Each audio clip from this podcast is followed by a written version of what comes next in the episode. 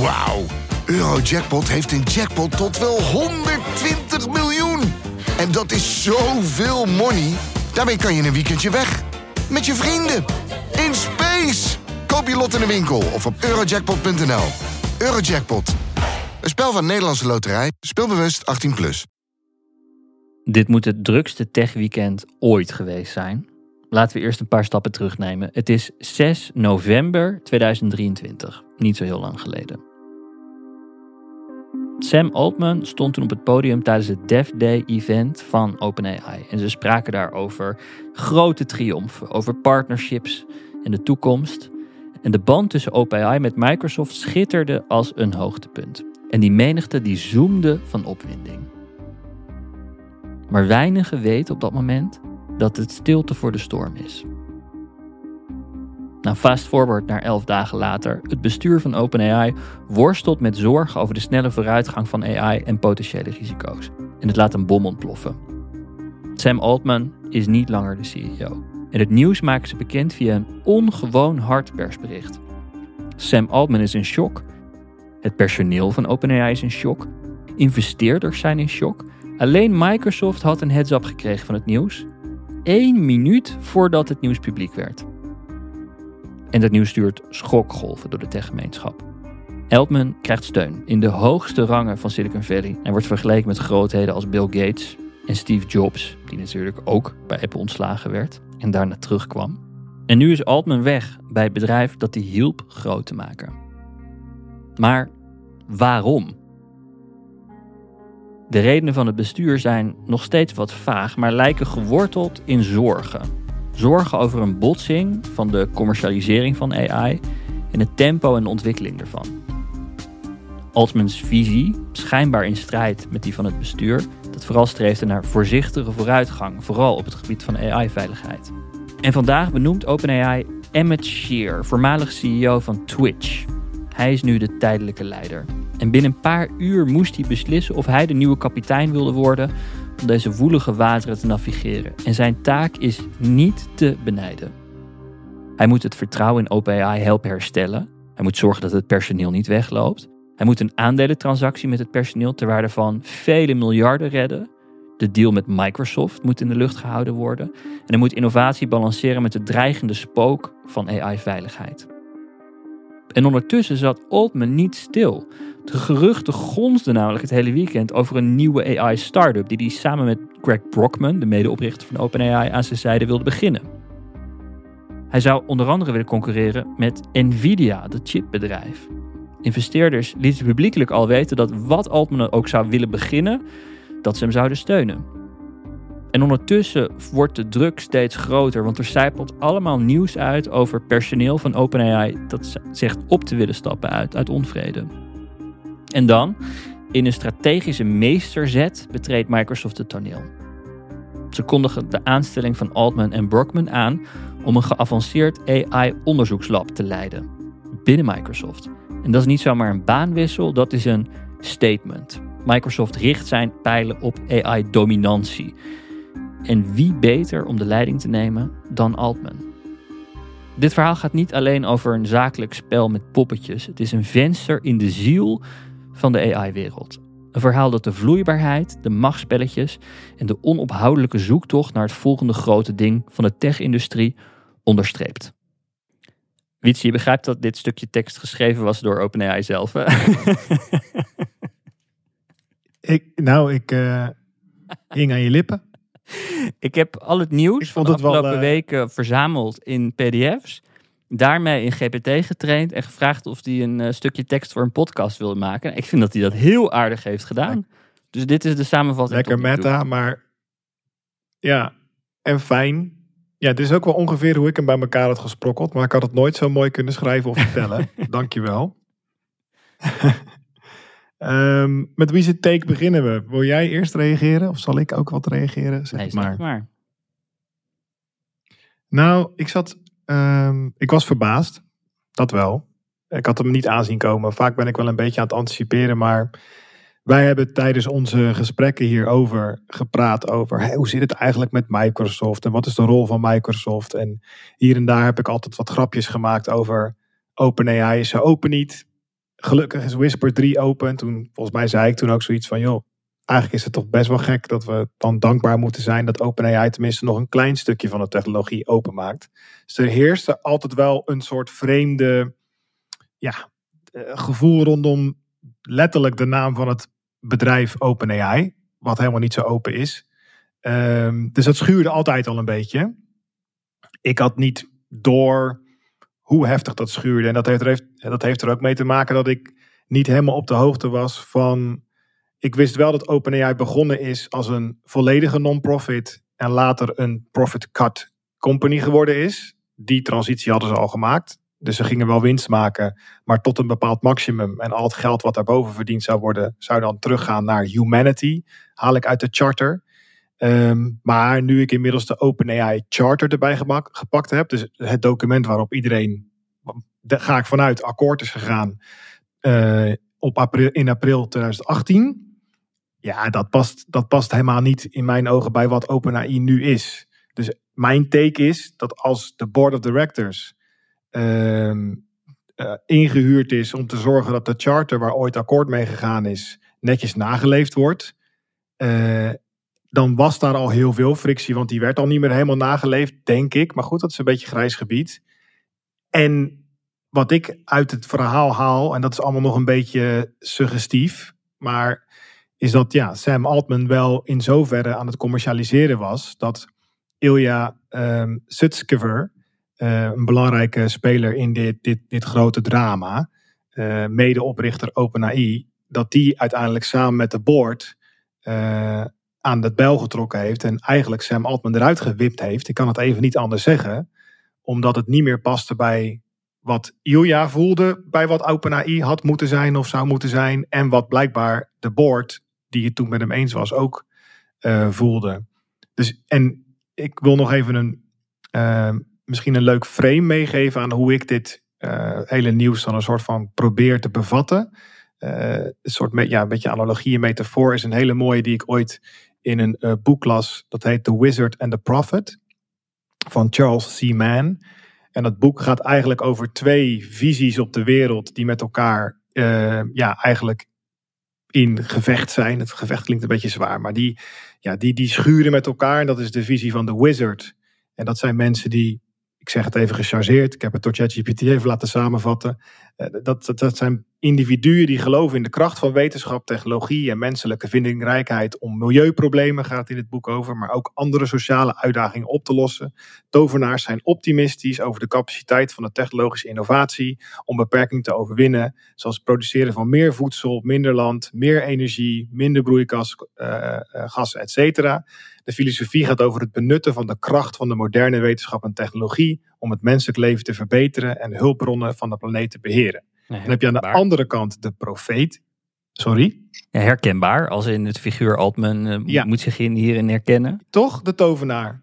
Ja, en dan, dan pak ik nu Ilja. Dit is een framepje wat ik er een beetje opleg. Hè? Dus, en dan heb je de profeet. En de profeet die zegt, in tegenstelling hiermee is de profeetbenadering voorzichtiger over de menselijke impact op de natuurlijke wereld.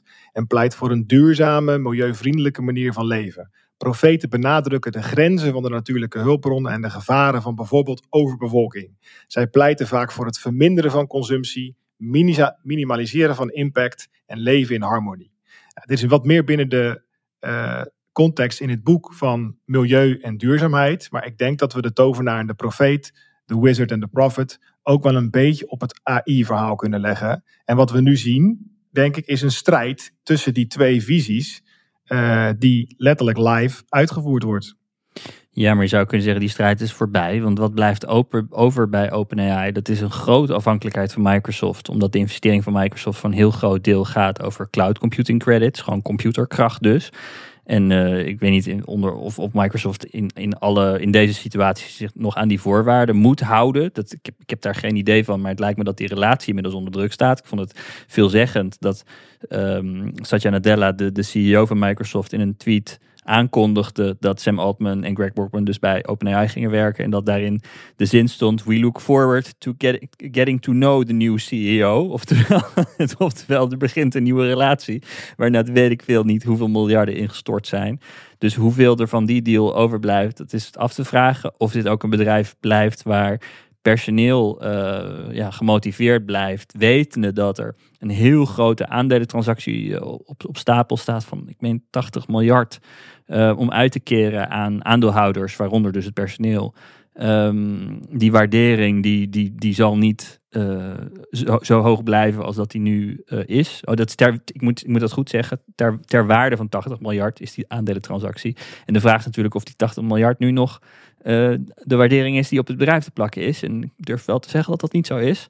Dus dat is een enorm gedoe. En daarmee zal ook wel um, nou, meer mensen vertrekken bij dat bedrijf. Dan heb je ook nog talentleegloop. En wat we natuurlijk weten is dat er, uh, het is niet voor niks dat ChatGPT een tijd, een paar dagen geleden op pauze ging voor nieuwe uh, aanmeldingen. Omdat, omdat de kosten te hoog zouden zijn voor iedere transactie die, of voor iedere, um, iedere query die je draait bij OpenAI als gewone gebruiker, betaalt OpenAI geld. Um, aan Microsoft, of met die Microsoft um, investering. Het kost gewoon geld en daar moet nieuw geld voor opgehaald worden. En dit is dus, het voelt, wat er ook een beetje tussendoor is dat dat ook nog een punt is. Dus niet alleen heb je dus die twee personen die uh, verschillende visies uh, lijken te hebben, of de board aan de ene kant en Altman aan de andere kant. Uh, maar dat er ook gewoon gedoe is over, over geld. Dat Altman wil gewoon veel meer nieuw geld ophalen en, en de rest lijkt de kosten te willen drukken. Dus het is ook nog een soort van nou, ik denk dat, stroom. En ik denk dat de, omdat Open uh, AI niet begonnen is als bedrijf, maar als non-profit. En daarna een for-profit met een cut geworden is. En nu eigenlijk een volgende stap aan het maken was, als ik het zo een beetje hoor en lees. Richting nog veel meer echt een for-profit uh, ja. bedrijf. Dat ik denk, en jij framet het nu terecht als investeerders, een bedrijf, Microsoft, aandelen, kapitaalinjecties. Maar dat is natuurlijk heel ver van waar het ooit begon. Nou kunnen dingen veranderen. Hè? De wereld is in verandering, dat is prima. Maar ik denk dat, um, ja, als je dan voor het gemak zou zeggen team Altman, team Sutskever, zeg maar. Dus een team Profeet, team Wizard. Ik, wat ik een beetje begreep uit wat ik heb kunnen vinden in community fora en ander soort uh, glassboard-achtige discussiefora waar mensen praten over de in- en outs van wat er nu gebeurt binnen dat bedrijf. Is dat er ja, mensen zijn die zeggen ik ga weg, want ik heb een veel grotere visie en ik, wil, ik ben fan van Sam. En we gaan samen een te gek groot uh, bedrijf bouwen. Uh, dus dat zijn de mensen, dat is best een flinke aantal. Maar er zijn ook best wat mensen die zeggen: nee, ik ben hier bij een academische, uh, op een academische research plek terechtgekomen. Dat was OpenAI, een non-profit. En dat is langzaam getransformeerd in iets anders. Dus ik denk uh, in dat opzicht, bedrijfstechnisch, financieel, is het natuurlijk niet gunstig voor OpenAI. Ze gaan eerder een soort stap terug naar een non-profit. Mm -hmm. Misschien hebben ze straks wel helemaal niks meer bewijzen van. Ja. Maar um, ik denk wel dat wat we hier, ja, het is een beetje misschien als een band. Hè? Je, start een uh, gezellig bandje om gratis te spelen in je lokale buurt. En dat wordt steeds groter en groter. Een deel van de band vindt die nieuwe podia te gek. En een ander deel zegt: Dit is niet hoe we ooit uh, uh, dit non-profit bandje gestart zijn. En dat voor mij trekt het, het trekt nu gewoon uit elkaar. En aan de ja. ene kant heb je door Microsoft gesteund. En uh, de andere kant heb je door ja, meer ethisch, waardegedreven gesteund groepje. Ja, de, band, de bandmetafoor is eigenlijk wel een aardige. Want het is dus een soort van anarchistisch bandje. Zo zijn ze begonnen. En uh, anticapitalistisch. En dan, uh, nu zijn ze op Lowlands aan het spelen. En vinden mensen dat ze sell-out zijn. Ja. Ik denk de, de, manier waarop dat in het begin is vastgelegd. Is ook met een, weet je, investeerders zouden geen seat op de board krijgen. Wat ongebruikelijk is voor, uh, voor als je ja. grote investeringen doet. Er, er was een winstcap. Uh, dus zelfs Microsoft, ondanks dat die winstcap hartstikke, hartstikke groot is, namelijk ja, keer 100 keer zoveel als ze erin doen.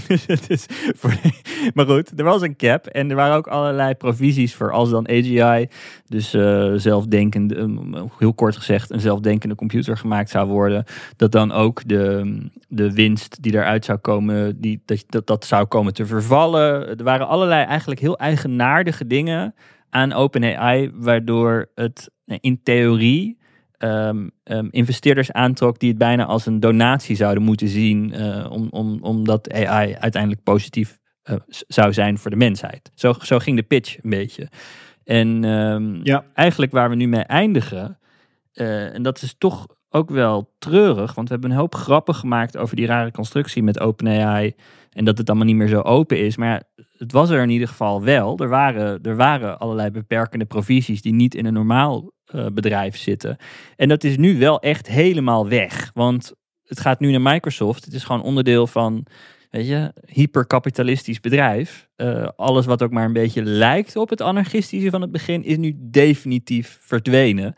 En ik, ik heb, ik heb er een beetje spijt van. Zie jij dat zo dat het, ja, omdat dat het weggaat? Want ik vermoed dat zich, OpenAI nu gewoon nee, bedoel, een Sam Altman en, gaat sterven. En zijn mensen. Ja, ja, ja, ja. Je kijkt al op de lange termijn van, oké, wat is nog de levensvatbaarheid van OpenAI? Ja. Uh, ja, min die kapitaalinjecties, min Azure Cloud, min, min, min, zeg maar. Ja. Ja, ik zit wel, ik zit zelf te denken, hoe had dit anders kunnen lopen? Hè? Van, ik bedoel, het is altijd, net als met een, ja, weet je, als een relatie voorbij gaat tussen twee mensen, is dat vaak, ik weet niet of dat vaak is, daar heb ik geen statistieken van, dat is meer mijn omgeving, maar dat, dat gaat soms met een bang of een heel groot drama of er gebeuren dingen, dat is nooit relaxed. Dat is niet waar. Dat is niet nooit relaxed, maar het is bijna nooit relaxed. En dit is ook echt een drama zo, toch? Ik bedoel, hoe we dit nu, hoe jij het ook net voorleest, het is echt bizar. Het is een nerddrama. ja. Ik zelf, kijk, ik vind het wel interessant, hè, want ik, ik dacht, ik had dus die Wizard en die Prophet had ik meteen voor me, dat ik denk, oh, wat interessant zeg. Dit is echt een beetje die strijd die ik er dan op projecteer. Ik moest ook heel erg denken aan het uh, Techno-Optimist manifesto van Mark Andreessen. Um, waarin die, en dat is eigenlijk het belangrijkste deel van zijn manifesto. Het gaat heel erg over, het is, eigenlijk een manifesto voor de, voor de wizard. Dit is het Wizard Manifesto. Dit, hier schrijft uh, hij eigenlijk in van oké, we gaan die hele wereld gewoon repareren. We gaan die wereld mooier maken. Dat is wat technologie doet en dat, dat is wat technologie kan. En dan heeft hij ook een paragraaf met de titel, uh, dat is best heftig vind ik, The Enemy. En dan gaat hij het over de vijand van dit manifesto hebben. En daar staat bijvoorbeeld in uh, groepen die zich bezighouden met sustainability, tech ethics, risk management, degrowth, trust and safety. Uh, ik voel me dan natuurlijk wel getriggerd, want het is letterlijk waar ik in opgeleid ben. Um, dus ik vind het interessant ook om te zien hoe dat nu op een bepaalde manier uit elkaar getrokken wordt. Dat je, mm -hmm. dat je dus ziet van oké, okay, we willen gewoon bouwen. Uh, laat ons met rust laten we gewoon lekker gaan bouwen. En, dan, en, en, en ik denk dat wij allebei, ik ga jou geen woorden in de mond leggen. Ik denk dat ik iets meer aan die uh, profit kant zit dan jij. Dat bedoel ik niet uh, profit, maar profit. Mm. de profeet. profeet ja. Um, en ja, en tegelijkertijd zit er in mij, en die, die, kan je, die maak jij wel eens wakker in onze gesprekken, ook iemand die natuurlijk helemaal excited is van dit allemaal. Ik vind het ook allemaal te gek. Ik vind het, die technologie tof. Ik gebruik die apps graag ik, op een bepaalde manier ben ik ook ja, wel een soort toch nog wel fan van het idee van laten we alsjeblieft dingen gewoon ook repareren en niet zo moeilijk doen allemaal. Maar tegelijkertijd uh, een stukje door mijn opleiding en ook ja, een beetje ouder worden, ja, je zou het cynisme kunnen noemen, maar een beetje opletten, is moeten we dit allemaal wel zo snel willen en hè, mag het niet een halfjaartje langer of een jaartje langer duren. Dus ik ben zelf, ik voel binnen mezelf ook best wel een ik zal niet meteen roepen, oh echt jammer dat hij daar weg is. Ja, jammer, omdat ik dan denk, precies wat jij zegt, die ballon loopt nu aan de andere kant leeg en OpenAI is niet meer. Hè? Ja, maar denk je dat je bij Microsoft beter beschermd gaat zijn in, uh, in, in zo'n computerbedrijf wat gewoon cloud credits wil verkopen? Denk je Denk nee. je dat daar je. Nee, dat is niet. Ik denk niet dat, dat dat. Je zou kunnen zeggen, hiervoor was het Altman die de, de, de, de morele en ethische koers bepaalde. Ondanks dat er dan wel een boord was die erop moest toezien. Maar die hadden ook niet heel veel um, gereedschappen in handen om hem onder druk te zetten. Anders dan hem ontslaan, wat ze dus nu gedaan hebben. Maar ja, zij wisten ook, als we dat doen, dan gaan er een hele hoop mensen mee. En uh, dus, zij hebben echt op de noodknop gedrukt, met andere woorden. Um, je zou kunnen zeggen, bij Microsoft is in ieder geval zijn er meer lagen um, en zal er meer overheidstoezicht zijn. En weet je, dan, dan gaat die governance is bij Microsoft waarschijnlijk in ieder geval professioneler geregeld dan het bij OpenAI was. Dus je zou kunnen zeggen, dat speelt jou, weet je, dat, dat is positief voor, die, voor, voor jouw profetenkant van het verhaal. Nou, ik zit nu jij dit zo vertel, vertelt ook te denken, en dit is nu gaan we, eh, of ga ik heel erg speculeren, hè, maar stel je voor, ze zijn uh, Ilja en uh, Sam. zijn bezig met chat. Zij niet zelf, hè, want daar zit een hele grote groep mensen achter. Maar goed, zij hebben wel zicht op wat er nu bleeding edge, cutting edge is binnen Ja, OpenAI. Noem het GPT-5. Het, het kan natuurlijk zo zijn dat Ilya eh, heeft gezegd van... Gast, wat we nu aan het bouwen zijn, dit is zo, dit is zo krachtig. Ik wil, ik wil dat we even stoppen. En dat Sam heeft gezegd, niks ervan. Dit moeten we juist releasen, man. Dit is te gek. We gaan die wereld mooi maken. En dat daar, ik noem maar wat, hè, of dat dan GPT-5 was, of het kan ook een technologie, een innovatie zijn geweest, waar het nu opgeklapt is. Ja, want het, klonk in het eerste persbericht klonk het gewoon alsof Sam Altman had gelogen. Eh, dat was de, de teneur van dat persbericht. En daar ging, Ja, je kreeg de wildste geruchten eh, eh, daarover. Ook zeer beschadigend voor de figuur Altman zelf. En ook zeer beschadigend voor OpenAI. Ehm, maar het lijkt nu in, de, in, de, in de, de kleine nuance die er is, lijkt het nu inderdaad meer over AI-veiligheid te gaan. En dus die commercialisering dan, eh, dan dat Altman eh, de board eh, onvoldoende heeft ingelicht. Malfeasance, om dat juridische woord te gebruiken, daar zou geen sprake van zijn. Dus wat het dan wel is, is nog steeds gissen. Maar het, ligt inderdaad wel aan de lijn van verwachting dat, ja, dat er dus iets is wat nog niet aan de buitenwereld bekend is gemaakt, waar dat board enorm van is geschrokken. Want ja, moet je, moet je, moet je nagaan wat voor. Dat is- is ook niet gek. Zij, zij wisten heus wel dat het daarna zou gaan imploderen. Ik, ik vraag me nog steeds af waarom zij niet investeerders hebben ingelicht. Eh, misschien, of Microsoft hebben ingelicht. Want de, je zou bijna zeggen, je hebt je professionele taken als, als, als board daarmee verzaakt. Maar ja, het is natuurlijk een, een ander type board, een non-profit board, die, die daar in principe niet zit voor de winstmaximalisatie en de, eh, van de aandeelhouders, maar dus voor die soort van ideologische ja, taak. Dat, dat, dat, ze zijn het schild, het ideologisch schild, zou maar te zeggen. En ze hebben keihard op de Ja. noodknop gedrukt, zonder dat daar een weg terug leek te zijn. Maar wa- wat me doet twijfelen aan deze theorie is dat zij ja, schijnbaar het schrokken van de mate waarin personeel meeging naar Altman. En toen zich toch gedwongen voelde om terug te gaan naar de onderhandelingstafel met Altman. En even leek het er dus ook op dat Altman zou terugkomen. Dus dit, dit werd echt verslagen alsof... eh, ja, nou, eh, in nerdcirkels werd het met liveblogs verslagen. Als in, nu gaan er eh, bepaalde drankjes naar binnen. En er zijn twee couriers die drankjes komen brengen. En een soort van camera's voor dichte deuren. hij was Eh. met de gastenpas terug, toch? Zag ik een fotootje Ja. van langskomen. Hij Ja, was, dus er was een onderhandeling, ja, er was een een deadline waarvoor dit allemaal geregeld moest zijn. En, en Satya Nadella heeft ook een grote rol gespeeld tijdens die onderhandelingen. Die probeerde te lijmen in eerste instantie door eigenlijk gewoon alles weer terug te brengen naar hoe het was, eh, behalve het boord te vervangen. En boord leek daar ook geïnteresseerd in te zijn om, om andere boordleden aan te stellen. Zo van wij hebben onze taak gedaan. Als jullie allemaal tegen zijn, nou dan moet je het zelf weten. Dan zoek maar een ander boord en dan zoek maar eh, en dan ga maar door zoals je dacht dat het was. Maar wij hebben gezegd dat we dit niet willen, wat dit dan ook is. Ehm, maar ja, uiteindelijk heeft Satya Nadella toch ja, bijna. Het lijkt op, op, op een afstandje als een meesterzet. Namelijk de kip met de gouden eieren gewoon binnengehaald. Binnen zijn context. Waardoor ook niet meer die rare tweesplitsing is tussen OpenAI aan de ene kant met ChatGPT en, en alle features die zij maken. En aan de andere kant Microsoft die gewoon Azure credits wil verkopen en het in Windows wil integreren en in Bing wil integreren. En toch een beetje twee gesplitste werelden op basis van hetzelfde model die ook feature parity de hele tijd bijna halen. Dus eh, de eerst zit het dan in Bing en dan komt het in ChatGPT en soms zit het weer eerder in ChatGPT en dan pas in Bing. Dat is gewoon raar. En dat zal nu wel klaar zijn, want alle nieuwe dingen die gaan komen, die, die gaaf zijn, zitten alleen in Microsoft producten. Ja. Nou, dat is toch even wennen hoor, Wietse. Dat gaat- gaan wij dat- aan moeten winnen. Nou, daar wil ik nog wel even een beetje tegengas op geven. Want het is, het is in mijn ogen wel zo dat, kijk, ehm, binnen een bedrijf als eh, Tesla of nou, SpaceX zit al wat dichterbij, eerder Tesla denk ik. Kijk, daar is heel veel. ehm, het idee daar is dat Tesla, dat het heel veel mensen zijn die daar werken, die dat zijn engineers, die zijn toegepast, die, gaan, die, die willen graag bouwen. Veel daarvan zitten nu ook bij Twitter. Veel daarvan zijn aangetrokken tot eh, Musk zelf als, als persoon eh, en zijn waar hij voor staat. En daarom bij SpaceX gaan werken. Maar daar, ik denk dat daar minder aanname fundamentele wetenschap plaatsvindt. Ik denk dat er binnen Tesla heel veel batterij en uh, ander soort wetenschap is. En dat er binnen SpaceX van alles rondom motoren en brandstoffen en efficiëntie gebeurt. Dus het is zeker niet alleen maar het toepassen van zaken.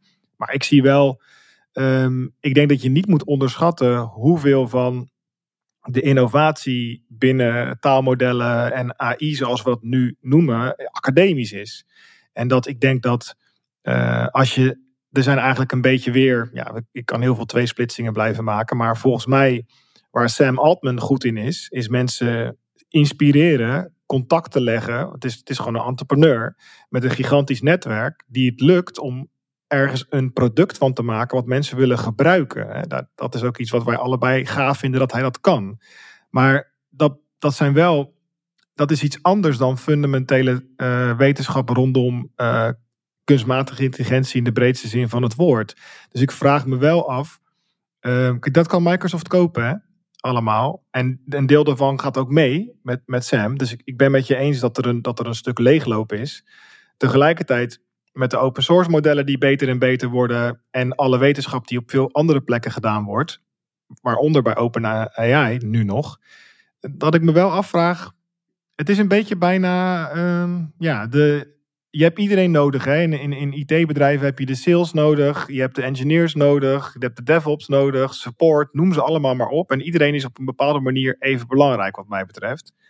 En uh, het is vaak dat tech waar gebouwd wordt een beetje argwanend kijkt naar sales. En dat sales vooral gefrustreerd is. Dat is wat ik een beetje heb meegemaakt in mijn leven, laat ik het dan even zo zeggen. Rondom de technologie, want het duurt lang en moeilijk en maak het nou maar gewoon. En dat ik, de, ik me wel afvraag um, of het Sam nu ook lukt om uh, ja, de hardcore uh, wetenschap mee te krijgen naar Microsoft. Dat weet ik niet, dus allemaal speculeren dit. Maar ik, ik vraag me af in hoeverre je, uh, ja, hoeveel die, die soort van go fast, break things, laten we het gewoon bouwen, laten we de wereld mooier maken, mentaliteit.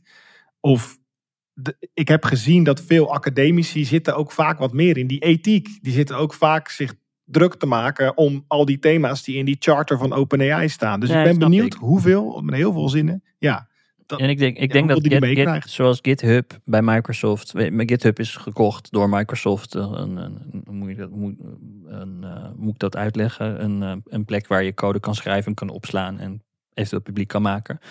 Um, is redelijk onafhankelijk gebleven van Microsoft zelf. En uh, dat is redelijk, van wat ik daarvan begrijp, is dat dat heel succesvol is gegaan. Hoe, hoe dat als een los bedrijf binnen dat grote bedrijf nog steeds kan opereren. Nou, ongetwijfeld is dat afgedongen door Altman um, voor, uh, voor, zijn, uh, voor zijn AI research tak. en ik neem aan dat, uh, dat Altman er alle belang bij heeft om hetzelfde, dezelfde talentpool die hij bij OpenAI had, gewoon naar Microsoft over te halen. En de budgetten zijn opeens waarschijnlijk onbeperkt. En uh, uh, ja. ja, ik zou niet weten waarom het niet zou lukken om OpenAI helemaal leeg te vreten. Anders dan dat er misschien nog een stroming over is die twijfelt over, over, over soort van het morele morele gezag van Altman. En die zullen achterblijven bij een OpenAI. Maar ik, ja, we zullen zien hoeveel er overstappen naar, uh, naar Microsoft. Dit, dit, nou, hier waarschijnlijk worden hier gewoon uh, lijstjes van bijgehouden de komende dagen. Ik denk dat de tovenaars allemaal met Sam meegaan en dat de profeten bij Ilja blijven. Hm. Ongeveer. Dat denk ik. Ja. En dat, dat, dat, dat, want, en dat de vraag is, kijk, misschien ik zit ook steeds te denken, en daar ben ik ook, daar kom ik waarschijnlijk nooit uit, maar hoe, hè, wat ik eerder zei, had dit anders kunnen lopen of zo?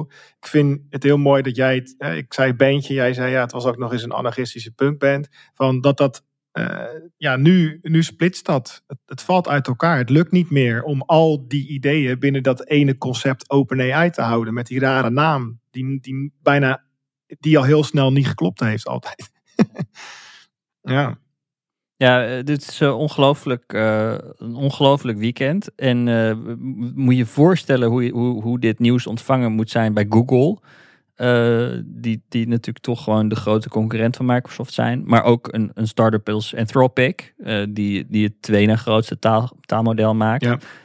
na, na OpenAI. Die, die moet, want waarschijnlijk ja, deze chaos gaat in ieder geval zorgen dat de ontwikkeling op de korte termijn bij Microsoft en OpenAI vertraagt. Dat kan bijna niet anders. Want je moet opnieuw weer teams gaan bouwen. En de, de ongelooflijke velocity, de snelheid van het bouwen van nieuwe dingen, nou, dat, dat zal nu afremmen. En dat, uh, een tijdje.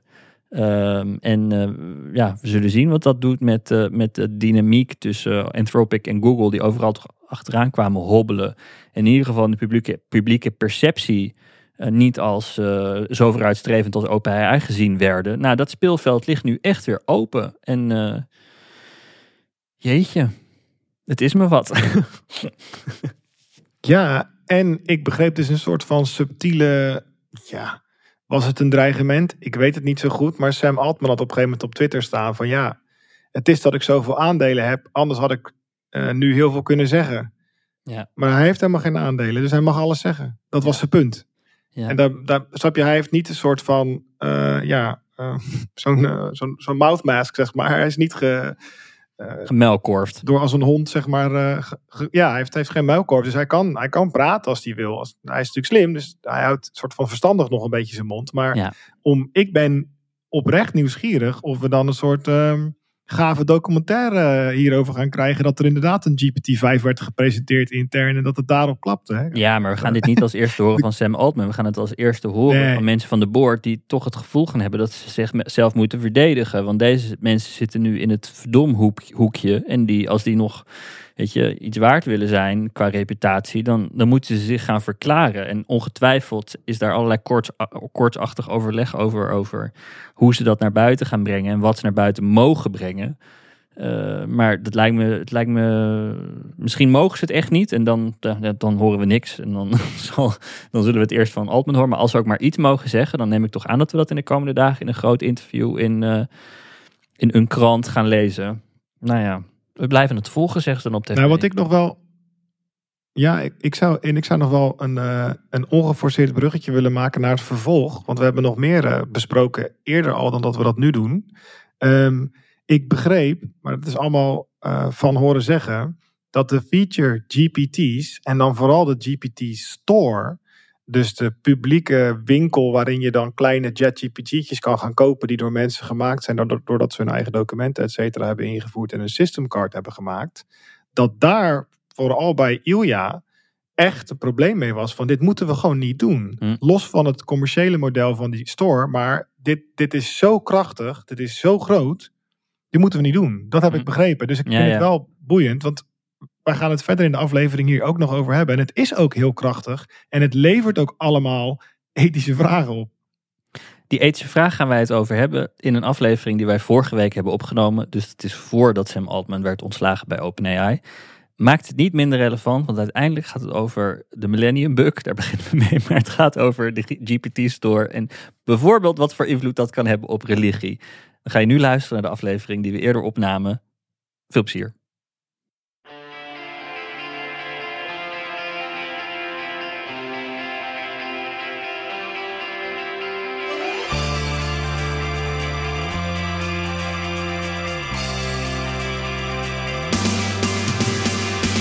Welkom bij Poki, een podcast over kunstmatige intelligentie. Waarin wij, Wietse Hagen en Alexander Klupping je bijpraten over de wonderenwereld van AI. We gaan het hebben over de Millennium Bug. Ik weet ook niet precies waarom, maar er lijkt een soort van vergelijking te zijn met hoe we ons nu druk maken over AI. Want zoals er doemgedachten waren over het einde van de wereld rond het jaar 2000, zijn die er nu ook weer over AI. Die vergelijking trekken we. We gaan het hebben over de GPT Store. Wietse heeft veel voorbeelden van GPT's toegespeeld gekregen. Het leidt tot diepe zielenroerselen bij ons allebei. Veel plezier! Ik heb een vraag voor je. Ja, Met hoeveel GPT's je al geïnteracteerd hebt? ja niet zoveel. Ik, ik, ik had deze week was ITVA, het documentaire festival in Amsterdam. Dus ik zit gewoon de hele dag in bioscopen en niet naar AI te kijken. Het spijt me. Maar ook niet in de films zit iets van AI. Nee, want in de ITVA-films, eh, zeg maar, ze zijn nu in het stadium dat de films die tijdens corona zijn gefilmd nu uitkomen. Dus Mm. eh, ik zie iedereen met mondkapjes op. Mooi sign of the times. Die films die duren altijd jaren om te maken. Dus ik, ik neem aan dat over een jaar of vijf dat we naar AI-films gaan kijken bij ITVA. Ja, je hebt natuurlijk AI als het onderwerp in de film, à la de film Her. Maar Ja. ook AI invloeden op de films of in de films. Dat zijn Nee hoor, er is geen enkele sprake van. Geen Je sprake van. Het is een hele oude wereld. Dat zijn films van vier uur over Chinese mestgevers. En dan eh, zie je naast je een boomer in slaap vallen na uur, uur, uurtje nummer twee. En dan, eh, dan ben ik het meest, meest tevreden dat ik kan zijn. Dat is mijn ITVA experience. Wauw. En is dat nu dan weer klaar? Ben je er weer uit, weer uit klaar, de bubbel?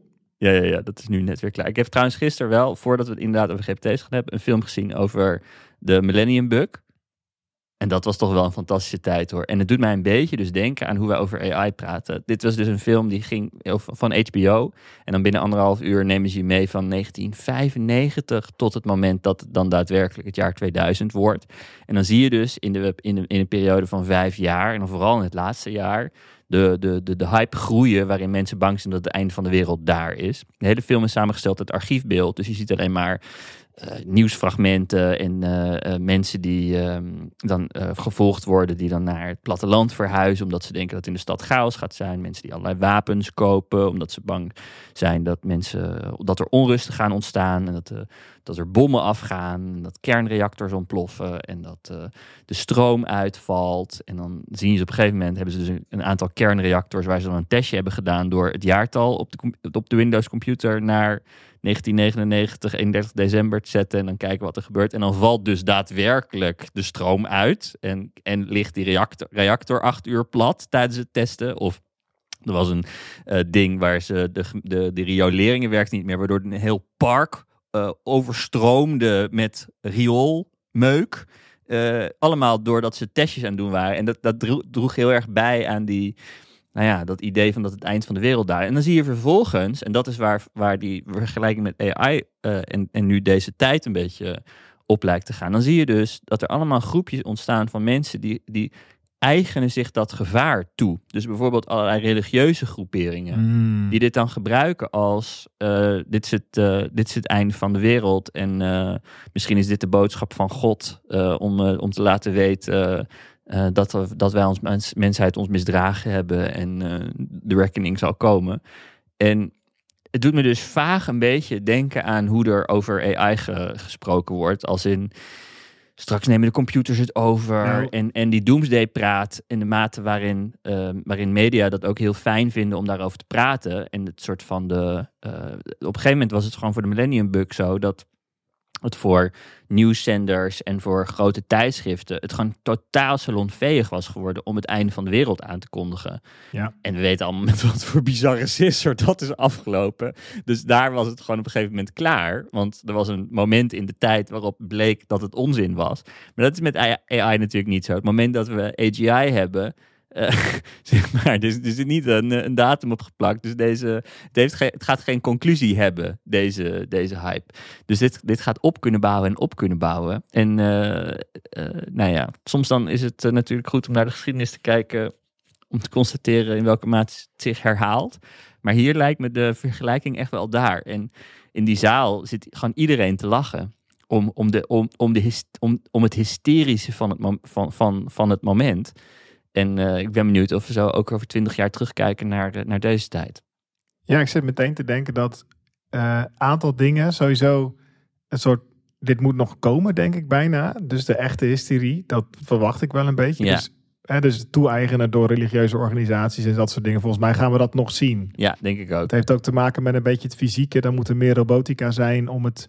Dat je het kan aanraken of kan zien lopen of zo. Hè. Nou, een Dat- stem, dat het... Dat het Ja, eh, ja. Dat je het meer kan aanraken of het met verschillende andere, op verschillende andere manieren kan meemaken, dan gaat dat makkelijker. Lijkt me wel grappig als we een Vatican GPT krijgen.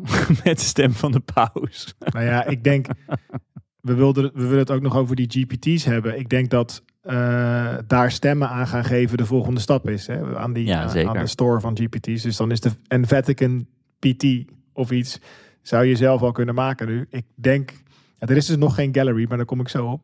Ik wou, ik wou nog reageren dat ehm, sowieso heette het toen ook buiten Nederland de Millennium Bug? Of was dat juist een heel erg Amerikaans ding wat wij weer in Nederland hebben ge- gepakt? Nee, het was, eh, het was de, de Y2K-bug. In Amerika noemden ze het Y2K. Ja, ja. En dan bij ons de Millennium Bug, denk ik. Ja, Want ik, maar- ik, weet, ik was een tiener toen, maar ik weet het nog wel. Het was echt Ja, ja. een ding. Nee, dit was een heel groot ding. En er is ook, je ziet ook allemaal, het is wat dat betreft geweldig moment in de tijd. Want het jaar 2000 is gewoon echt al tyfus lang geleden. Maar dan zie je dus Al Gore en, en Bill Clinton, zie je op conferenties, die gaan over het fixen to preparedness, Y2K preparedness. Uh, zie, zie je ze met, uh, met allemaal mensen praten over vanuit het bedrijfsleven en zo om ze klaar te maken. En je hebt daar dus ook doomsayers die dan in de media in de mediadynamiek een heel nuttige rol spelen. En met nuttig bedoel ik dan ja, een beetje cynisch. Maar dan heb je dus gewoon ja, je had, je had gewoon één dude die Mr. De Jager en dat was een computerconsultant. En die, had, die, die, waars, die werkte vroeger bij IBM. En die, die zei: Ik waarschuw al twintig jaar voor dit moment. Dat we alleen maar de laatste twee cijfers in een jaartal hebben. En niet vier cijfers. En uh, uh, we moeten ons nu klaar gaan maken, want anders gaat het helemaal mis. En die man die had dus een lijn met stropdassen. En hij had Y2K aftelklokken die hij verkocht Ja, op zijn ja, website. ja, En. Maar, da- ik vind het, maar dat denk ik dus, ik vind het wel interessant, hè? Want ehm, ja, dat is, dat is een, een, eenzelfde ding dat je zou kunnen zeggen over brandveiligheid. Hè? Dat je een heel gebouw brandveilig maakt en dan komt er een keer brand en dan loopt het af met een sisser en dan zeggen mensen, nou, ja, hebben we fair nou dat- ja, ik bedoel, en nu, ik denk dat de sisser deels komt door het feit dat het zo serieus genomen werd. Tegelijkertijd zit er dus heel veel, ja, de kwakzalverij en, en eh, opportunisme en, en bangmakerij en doemdenken en eh, eind van de wereld cult en zo. Dat hoor ik een beetje in jouw verhaal. Ja. Dus ik denk, voor mij is dat ook onze uitdaging nu rondom AI, wat inderdaad een soort oneindige, en dat is wat het moeilijker maakt. Daar valt een soort van de metafoor, wat je zelf eerder al zei, of de analogie. Maar is van, oké, wat wetende dat, want het is een, eigenlijk een case study die je nu beschrijft. Ik vind het echt fascinerend, want ik was het helemaal een beetje vergeten eigenlijk, dat hele eh, Y2K Millennium Bug verhaal. Maar eh, het lijkt er inderdaad op, omdat je kan zien, er zullen nu weer, en die zijn er al, kwakzalvers zijn die hierop springen, opportunisten Mm. die hierop springen. Eh, en, het, en op een bepaalde manier is dat bangmaker verkoopt. En tegelijkertijd, oké, en wat is dan de kern van dat hele... Want je vertelt net, hè, er valt wel altijd werkelijk een machine uit of er gebeuren dingen. Mhm. Van, wat is in deze AI-tijd dan een soort van de, eh, de analoog voor...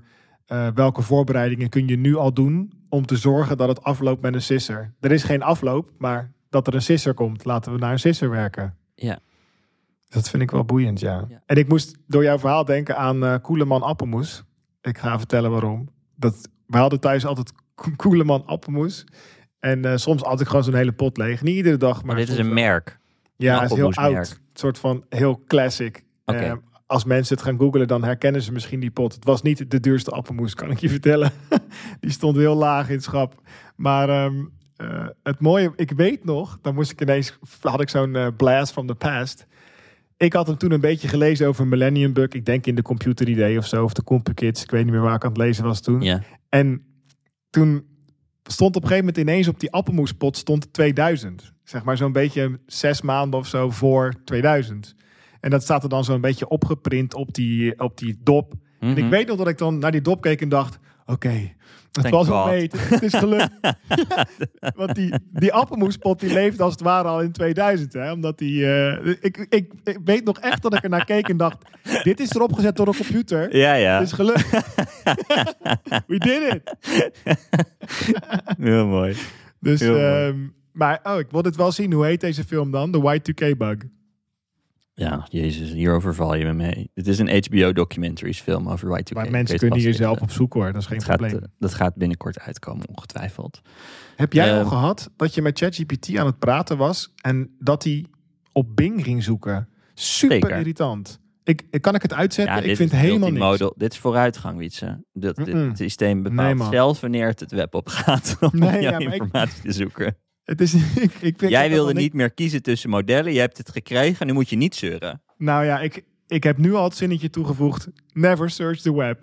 Nee, maar het Ja. voelt voor mij als een soort van... dat Ik denk, nee, nee, nee, nee. Ik wil dat je echt zelf Ja, nadenkt. Want ik Ja, wil met jou praten en niet met het web of zo. Nee, ik herken dit wel, ja. Nee, dit doet hij aan de lopende band op momenten dat je het niet wil. Ja, interessant. Al moet ik zeggen dat ik er gisteren iets uithaal. Het ging over, is er een recent boek uit rondom dit onderwerp? Een recent boek was wel echt een boek. Ja, maar ik Zie dan hoe die, ik zie dan hoe die zoekt. En dan denk ik, zo werkt, zo werkt een zoekquery niet. Nee, slechte Dus query. weet, dus weet je, ik, ik word altijd heel geïrriteerd als ik mensen zie Ja. googelen. die niet snappen hoe ze een Google query moeten schrijven. Ja. En, dan, en dan zie ik, dit, dit is wat ik, ik het, het is alsof je een boomer ziet googelen. Dat is hoe die Bing search op mij overkomt. Ja, sorry. Weet je, wat jij moet maken is gewoon een Gen Z Google GPT. Is Ja. Gewoon, eh, die goede queries kan maken op basis van een soort Alexanders beste query PDF. Ja, maar dat doet hij toch ook voor die fucking Dali eh, plaatjes die hij maakt. Dan Ja. gaat hij hele prompt schrijven om die plaatjes mooi te maken. Terwijl als je dan zegt, weet ik veel. eh, ja, wat is nou een goed voorbeeld? Eh, wat, wat is iets wat ik, eh, wat, waarvan, waarvan ik het slecht vind als je het googelt? Nou, bijvoorbeeld als ik dan vraag, de, in, wat jij net zei, het meest recente boek over bla. Dat hij dan schrijft, het meest recente boek over bla, gaat hij dan googlen. Denk nee dude, dat is Nee. niet... Doe nou die slimme query. Ja, Nou, of ja, dat is dan misschien de toekomst. Dat hij zegt, oké, ik ga wel even praten met een E ESPN API. ja of zo. precies. Toch? Ik wil dat ik ga. Maar goed, dat is misschien een kwestie van tijd, hopelijk of zo. Ja. Maar jij zei dus net, ik zit alleen maar de hele week in de bioscoop. Dus Wietse, ik hoop dat jij met allemaal GPT's Ja, heb jij hebt. met GPT's gepraat? Ja. Wietse? Ik zal Nou- deze brug terugwerpen voor je. Bam. en jij dan? We zijn er weer. Nou, oké, we hebben dus vorige keer gehad over dat OpenAI de GPT's heeft aangekondigd. Ja. En het begon een beetje in te dalen bij mij. Sowieso kreeg ik van een aantal mensen in mijn omgeving hun GPT's toegestuurd. Dat Ja. vond ik al heel leuk, want ik heb er zelf dan niet echt mee gespeeld nog. Ik, ja, ik zat bijna te denken of het een, of een soort van eh, desinteresse of arrogantie is. Dat ik denk van, oh, ik hoef niet zelf GPT's te maken of zo. Laat mij maar gewoon rauw, voor, voor whatever, praten met, die, met, de, met GPT zelf of zo. Mhm. En toen kreeg ik die GPT's toegestuurd, waar natuurlijk allemaal data aan toegevoegd is door mensen. Mhm. En dus van, joh, ik heb hier mijn eigen research van de laatste jaren heb ik opengesteld. En dus ik ging met die dingen praten. Ik had helemaal niet beseft dat als ik op zo'n link klik, dat hij dan in mijn OpenAI ChatGPT app op mijn telefoon opent. Gewoon heel smooth. Ja. Ja, maar ze- dat moet wel gezegd worden hoor. Ik, ik maak zelf software. Het is echt moeilijk om features te shippen. Het is echt moeilijk om in deze snelheid met zoveel eh, verschillende gebruikers op je platform. Ik bedoel, er zit een bak geld en een hele, grote groep mensen bij OpenAI. Maar het lukt hun wel om het gewoon best wel solid. Misschien even een, kort applausje voor Sam Altman. nou kort ja, het applausje is, voor Sam Altman. ja, het is gewoon knap. Je moet het maar kunnen. Goed gedaan, Sam. Ja, ik vind het. ehm, ik bedoel, nu de sign-ups voor Plus zijn eventjes eh, stopgezet, las ik. Ja, omdat dat is jammer. ja, maar goed, aan de Beetje andere kant. dit. Die GPU's zijn gewoon op. Ja. ja, toch? Ja, zelfs zij kunnen die GPU's niet meer kopen. Maar, Maar wat heb je, wat heb je toegestuurd gekregen? Nou ja, ik zag. Ik, eh, nou, van de toegestuurde viel wel mee. Er zitten ook een beetje persoonlijke dingen bij. Dus daar kan ik het dan nog even niet over hebben. Want Oh, er zijn ja. ook mensen die trainen op ja, wat zij weten. Ja. Eh, en misschien nog niet willen publiceren. Maar dan in abstracte zin, wat, wat hebben ze dan erin gestopt? Ja, dus dat is eigen notities. eh, Ja. ja. jarenlange aantekeningen. En dan kijken van oké, wat, wat komt hier dan uit? En het is sowieso, ik moet zeggen, best een interessante. Ja, als jij nu, eh, niet nu, dat bedoel ik niet nu, maar meer eh, als, alsof. Hè, van als jij nu zou zeggen, joh Wiets, ik heb iets gemaakt. Ik heb daar allemaal dingen van mezelf ingeladen. Ik heb er een system prompt bij gemaakt. En wij zouden daar samen naar gaan kijken. Dan ben ik je dagboek aan het lezen. Ik Ja. ben ineens daar of zo. Dus ik merk Mhm. ook dat het, het... he- Maar het is ook een hele... Het is eventjes wennen. soort van, oh, oké. eh, we zijn met technologie bezig, maar blijkbaar ook met iets heel persoonlijks ineens. Eh, dus ik vind het ook... Het is ook iets fascinerends. Want je kunt... Het is ook heel vreemd, want je kan dus gesprekken voeren met vrienden, kennissen, familie. eh, als ze zoiets aan jou sturen. Mhm. Dat je soort van ook asynchroon eh, kan. Dat je zegt, nou Alexander, ik heb deze hele week met jou, air quotes, gepraat. Ja, Wauw man, ik wist Ja. helemaal niet dat jij hiermee zat. Ja. Dat is heel wauws. Ik merk dat ik dat, dat vind. Dus dat is even een soort van eerstehands ervaring. Dat ik denk, hé, hey, wat gebeurt hier ineens? Eh, dat vind ik fascinerend. En wat ik zie gebeuren, had ik eigenlijk niet helemaal verwacht. Er is dus er is nog geen. eh, die store van OpenAI is er nog niet. Ik bedoel, die is er wel, maar niet voor ons. Dat is nog intern, want dat moet ook een soort, daar zit een soort eh, eh, proces op, net als bij app stores. Ze willen die dingen gaan goedkeuren, want dat, daar staat natuurlijk een, een logootje van OpenAI naast. Dus als daar een heel gek ding op staat, willen ze dat niet zomaar ownen. Dus ik, Ja. ik heb het idee dat ze dat nu op hun community forum hebben ze zelf de vraag gesteld van hoi, als je iets vets hebt gemaakt, wil je het dan in deze thread posten? Ah, Oké.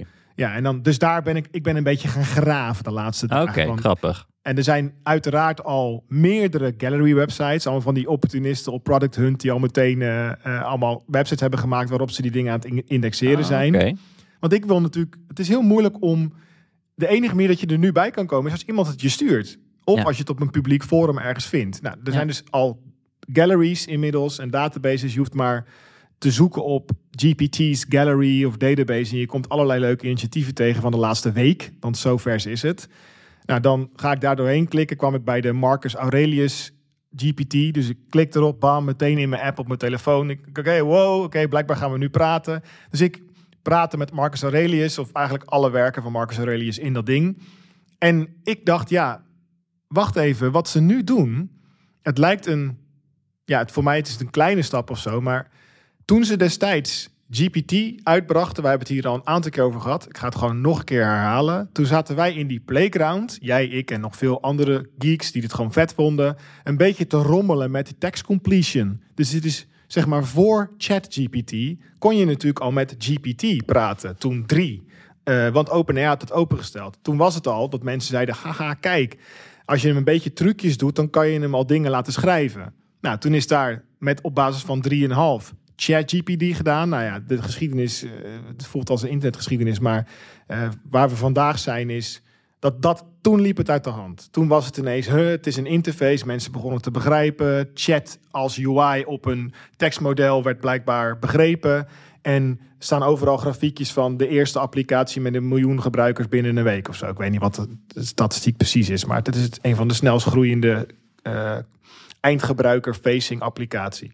Nee, het Wat er nu eigenlijk. Dit is, dit is gewoon een laag daarop. Heel lang verhaal om te zeggen dat er nog een laag opgelegd is. Je had eerst GPT kaal. Toen ChatGPT, namelijk chatten met GPT. Wat in essentie een klein, dun laagje is, maar wat je erop hebt gezet is gewoon als het ware iemand helpen op Spotify en zeggen: joh, als jij in paniek raakt van een search field, hier heb je alles in het genre rock. Of eh, je kan nu klikken op dingen in plaats van typen. Je doet er een klein stukje UI overheen. En nu is het eigenlijk, ja, maar wacht even, als het idee van een eh, gegeneraliseerde, brede chatbot voor jou ook nog ja, je creativiteit niet aanzet of ja, je weet gewoon bijna niet hoe je moet praten, want je moet weer prompts gaan engineeren, dan gaan we voor jou ook al een stukje prompt engineering doen. Ja. Dus het wordt een steeds specifieker ding. En zit je dus ineens te praten met Marcus Aurelius of de start-up coach die jou in zeven vragen helpt om tot een sterk concept te komen. Of fake Dragons Den, dat je kapot gemaakt wordt door vier investeerders. Ja, ik bedoel, ergens is het suffe. Dit kon allemaal al. Maar als je het dan een naampje geeft en een icoontje... en je presenteert het aan iemand als een appje... wat je op een bepaalde manier kan openen... ja, dan, Gebeurt er wat. ja, want het, is, het was zelfs met ChatGPT toch weer fundamentele technologie. Hè? Op een fundamenteel niveau, infrastructureel niveau. En nu zit er weer een laag op. En nu ik door die, ja, een, zeg maar fake, want het zijn nog geen echte OpenAI stores, maar een soort die galleries aan het scrollen ben, kom je ook al die, ja, toch wel hele creatieve, creatieve dingen tegen. Het is echt heel grappig. Dingen die ik niet had verwacht of zo, dat je dat dan noem eens wat. maken. Nou, hier bijvoorbeeld Dreamer. Er zat er a friendly AI conversing about dreaming and the future of technology. Nou, dan klik ik daarop, denk ik Dreamer. Oké, ik, word- ik vind het een leuke naam. En, en dan staan er ook altijd een paar voorbeeldvragen bij. Dat helpt mij ook, want anders zit ik weer met die enge cursor. Hè? Van ja, wat, wat moet ik nu? Er staat hier, what if an AI could dream about the future? Klik. En dan ga ik in discussie met Dreamer om te praten over dromen, de toekomst en scenario's. Nou, dan hebben we hier, ehm, je hebt ook de GPT's Builder Assistant. Dus die helpt jou om GPT's te maken. Te doen Lekker meta. ja, lekker meta, maar best wel vet. Nou, heb je hier Pixarify, kan je Pixar 3D-avatars maken op basis van foto's. Dit zijn Ja. eigenlijk stuk voor stuk de start-upjes die we een beetje hebben zien ontstaan. Ja, alle rapper-apps. Ja, en alleen dan meteen midden in eh, ChatGPT gestopt. Dus dat is. Hey, en geloof je eh, nou in het idee van die store? Want ik, ik, ik, mm, ik zit heel veel dingen... eh, Ja, nou zeg het maar. Ja, ik ben een beetje. Kijk, ik, ik denk dat ehm, de metafoor. Dit is best wel vreemd eigenlijk, hè? Want het, toen, die, toen de App Store op iOS eh, uitkwam. eh, dan had je ook ineens die term app. Hè, wat natuurlijk gewoon een applicatie is. Maar even voor de, voor de luisteraars, dat was niet altijd een ding. Ik bedoel, we gingen wel ehm, software installeren op Windows al die jaren al. Hè, maar dat, dat voelde niet als dat je dat dan als een soort van snoepje. Ik, heb altijd, ik zie altijd die icoontjes van Apple toch een beetje als een soort van Candy Crush snoepjes. Dat hebben ze best wel goed gedaan. Dat je een soort van snoepje installeert, zo ploep. En dan alsof het een liedje is wat je in iTunes koopt. Dat was ook een beetje de App Store interface. Hè? Dat zat letterlijk in iTunes gebakken nog destijds. Mhm. Ze hebben gewoon eigenlijk de koop een, een liedje voor een dollar metafoor toegepast op koop een appje voor een dollar in de, in de App Store. Nu nemen we dat allemaal aan als de, zo werken toch besturingssystemen. Maar het heeft toch ook wel even gekost om die metafoor te maken. En is dat, we hebben ook nog met elkaar best wel lang lopen zoeken. En dat is nu, eh, daar is de wereld in gesplitst inmiddels. In, de deel van de, in het deel van de wereld waar we zeggen, je hebt een operating system met daarin al die appjes. En een deel van de wereld waarin apps in apps zitten. Hè, dat zijn die super apps waar Elon Musk eh, over droomt met zijn X. Die denkt dat hij in Ja. X weer allemaal apps kan gaan stoppen. Want dat is iets Ja. wat in China bijvoorbeeld heel goed werkt. De every, Ja, everything. bankieren via X. Dat je, Ja, je alles in X. messaging doet via X. Dat je Ja, je Facebook heeft het ook heel erg taxi bestelt. Ja, Facebook heeft alles weer uit elkaar getrokken. Van nee, want wat blijkt, het is juist nice als je een soort restaurant hebt voor kinderen. En een restaurant en een speelpark voor ouderen. Dus we gaan Instagram, we gaan Facebook Messenger en alles weer lostrekken. Want dan kunnen we die contexten juist heel helder hebben. Dat bleek Mhm. voor ons hier dan weer krachtig of iets. Dus ehm, als jij zegt, wat denk je van die store? Ik merk intuïtief dat het idee van mini-appjes maken die heel doelgericht zijn met een identiteit, hè? dus Socrates bot, en daar dan een plaatje op plakken met een leuk snoepje waar je op kan klikken, dat werkt. Voor mij werkt dit. Ik merk, ik ben weer helemaal, helemaal, weer helemaal enthousiast over ChatGPT geworden. Want ik denk ineens, ja, ja, ja, ja, ja. Oh ja, dit kan ook, dit kan ook. Technisch is er weinig veranderd. Kwestie van framen en een goede interface. Daar, dus het idee van de app-metafoor als extra laag bovenop ChatGPT is volgens mij gewoon helemaal kloppend. Dat hadden de app-developers ook al door, die alleen maar rappers aan het bouwen waren over ChatGPT. Is dat dan een winkel van OpenAI? Hmm, ja, ik weet het niet zo goed. Daar zitten we weer een beetje op de discussie van vorige week rondom Humane. Van ja, wie, wie, op welke laag zit dit? Mm. Is dit de verantwoordelijkheid en, eh, van OpenAI en is het logisch? Ik denk nu, in deze tijd, misschien wel, maar ik, oké, ik denk dat wat er gaat gebeuren is dat er een aantal hele populaire eh, GPT's gaan zijn. Eh, die, die vinden gewoon iets. Dat blijkt ineens briljant. Waarschijnlijk hè, de virtual girlfriend, GPT, dat, dat gaat een grote zijn, zeg maar. Want het, daar is, dat merk je nu al, dat dat best wel aangeboden wordt. In replica-achtig. En dat een paar van die hele populaire GPT's...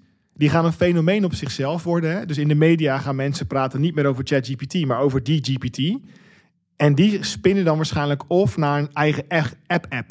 En die gaan weer de stores in. En dus dan krijg je in de App Store een app die de naam heeft... wat, wat eigenlijk een custom. GPT was. Dat zie ik wel gebeuren. Ja, maar waarom zou dat dan beginnen op ChatGPT? Omdat je daar meer bereik hebt of zo. Dat, eh, dat je makkelijker omhoog kan komen. Nou, in essentie is het natuurlijk zo dat zij nu eigenlijk om de App Store heen gaan. En dus iedere keer als jij mij zo'n GPT stuurt, klik ik erop, boom, open de ChatGPT-app, die switcht icon in beeld en ik zit ineens in een, een beetje in een andere ervaring. Mhm. Dus op die manier fietst OpenAI natuurlijk om dat hele approval-proces van Apple heen nu. Het is een soort GPT-browser die ze hebben gebouwd nu, want hij kan nog veel meer. Ehm, dus ik denk qua experimenteren slash innoveren, dat het op zich wel logisch is om in deze fase, eh, of dat, dat het op zich logisch is voor OpenAI in deze fase om dit aan te bieden. Ik denk alleen, open ik dan over drie maanden de ChatGPT-app en wordt het dan zo'n beetje zo'n everything-ding? Komt daar dan een knopje store? En kan ik dan ook echt betalen? Dat weet ik Het is niet. gewoon heel moeilijk om voor te stellen. Want ik denk dat als jij echt veel tijd gaat steken in het maken van een betaalde GPT. En dat zou dan. We hebben het vaak over die advocaten GPT gehad. Dus dat een, een, een ding getraind op eh, allerlei eh, juridische besluiten die partners hebben genomen. En dat je dan eh, een, een AI een voorzet kan, zou kunnen doen zoals een partner van een advocatenkantoor dat had voorgesteld. Ik denk als jij, als jij zoveel werk gaat steken in het maken van, eh, in het maken van zo'n GPT, dan wil je toch een eigen app hebben waarmee je je eigen betaalmodel kan inrichten en waarbij je niet in, in soort van in ChatGPT zit. Het lijkt me, het, het lijkt me gewoon heel. Maar is dat, is dat niet meer de. eh, ik, ik, ik, ik ben het met je eens. Maar is dat niet meer, joh, we hebben een tof idee. We maken eerst een web-app. Die link sturen we naar iedereen door. En dat begint op een gegeven moment uit de hand te lopen. Maar we willen ook een betaalmodel, misschien features bieden. En dan wordt die web-app een app. Dus iets wordt geboren op het web en wordt dan een native app. Hm. Dus ik denk dat er nu heel veel dingen geboren gaan worden in de ChatGPT gallery slash store. Want niet allemaal Ja. betaald te zijn. En dan dat, ja, als Nou, je een misschien beetje... geeft het ook serieus bereik. Dus zoals de App Store ook een, weet je, de reden waarom Apple geld kan vragen voor de App Store is ten dele eh, dat je makkelijk eh, apps kan vinden. Want Nou- je kan proberen apps te gaan vinden op het internet en dan doorlinken. Maar het is de categorieën en de toplijstjes en zo maken toch wel een groot deel van hoe mensen eh, apps kiezen. Nou, het doet me dus ook heel erg denken. Ik vind het leuk dat je dit zegt. Want toen de App Store er net was op iOS, toen ging ik nog wel eens kijken in die top 50 en zo. ja, En dan had je ook nog van, joh, populair deze week. En dan was ik ook wel een beetje nieuwsgierig van, waar zijn mensen inderdaad mee bezig? En eh, mis ik iets, soort trendwatching of zo in de store, als Ja. het ware. ja, gewoon en ik merk dingen. dus nu, als ik nu kijk naar die dan nu nog tijdelijke gallery websites, eh, dat ik het best wel boeiend vind. Want jij vroeg net, wat staat er allemaal op? Ik heb nog even zitten doorscrollen, maar je hebt hier Talk to Steve, AI channeling Steve Jobs, Insights on entrepreneur, Entrepreneurship. Ehm, Santa's Helper, dus kan je lijstjes maken voor kerst. Je kan met Leonardo da Vinci praten. Een scam spotter, die helpt je om te kijken of iets een scam is. Ja, het, bedoel, het, het grappige is, het, het is een beetje weird ook. Want ik denk altijd, ja, dit, dit zijn toch gewoon apps? Of dit zijn toch features van andere apps? Maar doet het er nu toe in deze fase? Nee, lekker experimenteren. ik vind het echt interessant. En ik ik- ben dus wel, we hadden het hier net over, maar ik ben dus wel echt benieuwd wanneer we de eerste religieuze, religieuze app krijgen. Ik, moet, ik, ik heb vaak gedacht, aan, teruggedacht aan dat stuk van wat Harari had geschreven in de New York Times toen, toen ChatGPT een beetje losbarstte en er onrust ontstond en mensen begonnen op te roepen voor een AI-pauze. Er stond iets van een zinnetje in van, ik zeg dit uit mijn hoofd, maar eh, als een groot deel van de, van de verhalen, mensen zijn verhalenvertellers. Als een groot deel van de verhalen die geschreven worden door niet-menselijke eh, intelligentie. Wat doet dat dan met ons als maatschappij? Moet je voorstellen dat de verhalen die we elkaar vertellen rondom eh, politiek of in onze cultuur, maar zelfs religie, geschreven zijn door niet-menselijke intelligentie. Nou, eh, religie draait om niet-menselijke intelligentie. Dat is een beetje, het- is een beetje het ding. Ja. Dus zou, er, zou, zou, het Vaticaan op een gegeven moment daadwerkelijk met een God-app eh, go- God-app uitkomen die, die, eh, waar, waar je mee kan praten zoals je met een priester praat? Nou ja, Kan nu- toch bijna niet anders? Iemand, misschien niet het Vaticaan als eerste, maar dit, dit, gaat, dit gaan mensen doen als het dan niet ge- gebeurd is. Nou ja, ik heb geklikt op de categorie spirituality op awesomegpts.pro. Een van de vele onofficiële lijstjes. Daar vind ik de Dalai GPT, dat is de Dalai Lama. Jesus ja. Christ. Is wel heel erg GPT. Silicon Valley. Ja, Siddhartha Gautama is ja, de, de Boeddha, zeg maar. Eh, oh, joh, dit zitten honderd... Wat divers. Het gaat maar door. ja, je kan zen teaching doen. Het is best wel interessant hoor, eigenlijk. Het gaat alle Maar ik zou dan een, een GPT willen hebben die je ook om de zoveel tijd straft. Zoals. eh, is zegt heel kern, veel over kern jou. van een religie. Ik kan niet anders zeggen? Alexander. Nee, maar ja, hoe krijgen ze zoveel zieltjes mee? Dat moet ook een deel zijn waar je, waar je een beetje regels gesteld worden. En eh, ja, toch? Maar weet je, ik hoor ook een soort cynisch stemmetje die zegt... Maar dit ja, dit is nieuwe Scientology. Misschien gaat Scientology het eerst doen. Dat lijkt me dus fantastisch om te maken. Dat- laten, we, laten we een pokey-religie maken en dan eh, voor de moderne tijd. Zoals Scientology in de jaren, wat was het, jaren Ja, 80 nou, of zo? Je moet even een paar van die Netflix-documentaires kijken... om heel snel te snappen dat je daar niet bij betrokken wil zijn. Als je aan de top zit, dan word je rijk. Je, moet zorgen dat je aan de top zit. Dat is de, Ja, dat je is hebt de les verschillende vormen van rijkdom, hè? ja, je kan er eh, misschien centen mee verdienen, ja. Maar de rest van je rijkdom, ik weet het niet. Maar chatten met een priester, met een AI-priester, dat, dat is toch niet eens, niet eens zo'n heel gek idee? Nee, maar ik denk in dat opzicht zit ik... Mijn cynisme is nu dus dat ik merk van... Oké, dus is het de tweede, tweede, derde chatbot-golf of zo? Gaan we nu weer helemaal enthousiast zijn over chatbots? Ja, want ze zijn veel beter. Ja. Ehm, maar het is wel eh, wat jij eh, vorige keer zei je ging over boeken. Hè? Dus praten met een boek of praten Mhm. met een auteur. En toen merkten wij al van, hmm, praat je nou met een boek of praat je nou met een auteur? Nou, er Ja. is bijvoorbeeld ook een Bijbel GPT. Dan kan je praten met de Bijbel. Ja. Ehm, maar er zijn dus ook GPT's die zich voordoen als profeten, heilige figuren, eh, noem maar op. Goeroes. Ik denk, ja, ik ben heel erg benieuwd hoe, hoe dat dan werkt. Ja, van, kijk, in het boeddhisme is het bijvoorbeeld zo dat er best wel veel toegeschreven wordt aan de Boeddha. Dat staat er gewoon onder. Dit is, ik bedoel, niet, ik heb het niet over quotes in Google afbeeldingen, hè, want die worden echt toegeschreven aan iedereen. Daar, dat klopt gewoon geen snars van. Maar zelfs in de geschiedenis van het boeddhisme is er gewoon best wel wat toegeschreven aan Boeddha. Maar dat, dat is, ja, dat kan ook door, het kan door iedereen zijn opgeschreven. Ja, dat had jij destijds ook kunnen zeggen. Ja, dit heb ik, dit is Boeddha. Ja. En daarin heb je natuurlijk wel die. ehm, nou, hier ook, die bots. Ja, wie, wie maakt die bots? Wat kan je er allemaal in stoppen? Is, zijn die system cards eigenlijk open? Zeker niet. Nee, want dan, je zou ook kunnen zeggen, ja, even nefarious, maar ik maak een boeddhistische bot, maar eigenlijk ben ik meer overtuigd van het christendom. Dus ik wil Oh, eigenlijk dat, dat je mensen lang... conversiebot. Een conversion- conversiebot. Ja, wat heftig. Dus ik zit... Zoals ze vroeger naar Afrika gingen om de, om de Ja. zieltjes te winnen. Je hebt wel een heftig Mooi. zaadje geplant nu bij mij, moet ik zeggen.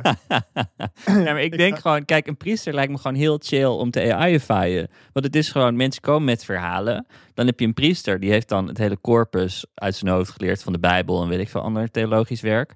Die weet dan hoe die moet reageren op, op verhaaltjes, omdat hij dan een verbinding legt met, weet ik veel, een of andere passage uit de, uit de Bijbel. Zoals Johannes zei in, ik weet niks over religie, eh, in, eh, in, op pagina 38. eh, doe bla. Nou, Bijbelcitaat. Dus het gewoon het hele concept van iemand vertelt een verhaaltje uit zijn persoonlijk leven en krijgt een Bijbelcitaat terug en daarnaast een soort van uitleg van hoe dat in normale mensentaal dan tot een concrete actie zou kunnen leiden. Dat is toch wat een priester doet. Nou, ik ik zit- nu heel erg plat. nou, een beetje. Maar Lijkt me ik dus denk, uitstekend te, te, te AI'ifyen. En eh, weet je, in een, in een wereld waarin eh, religie op zijn retour is, als je dat dan een beetje, eh, of nee, niet op zijn retour, dat het juist verdwijnt, dan is er een, een reden voor de katholieke kerk en voor de protestantse kerk om nu het wat, om er een product van te maken. Wat meer, misschien iets meer mindfulness erin, iets meer dingen van de moderne tijd.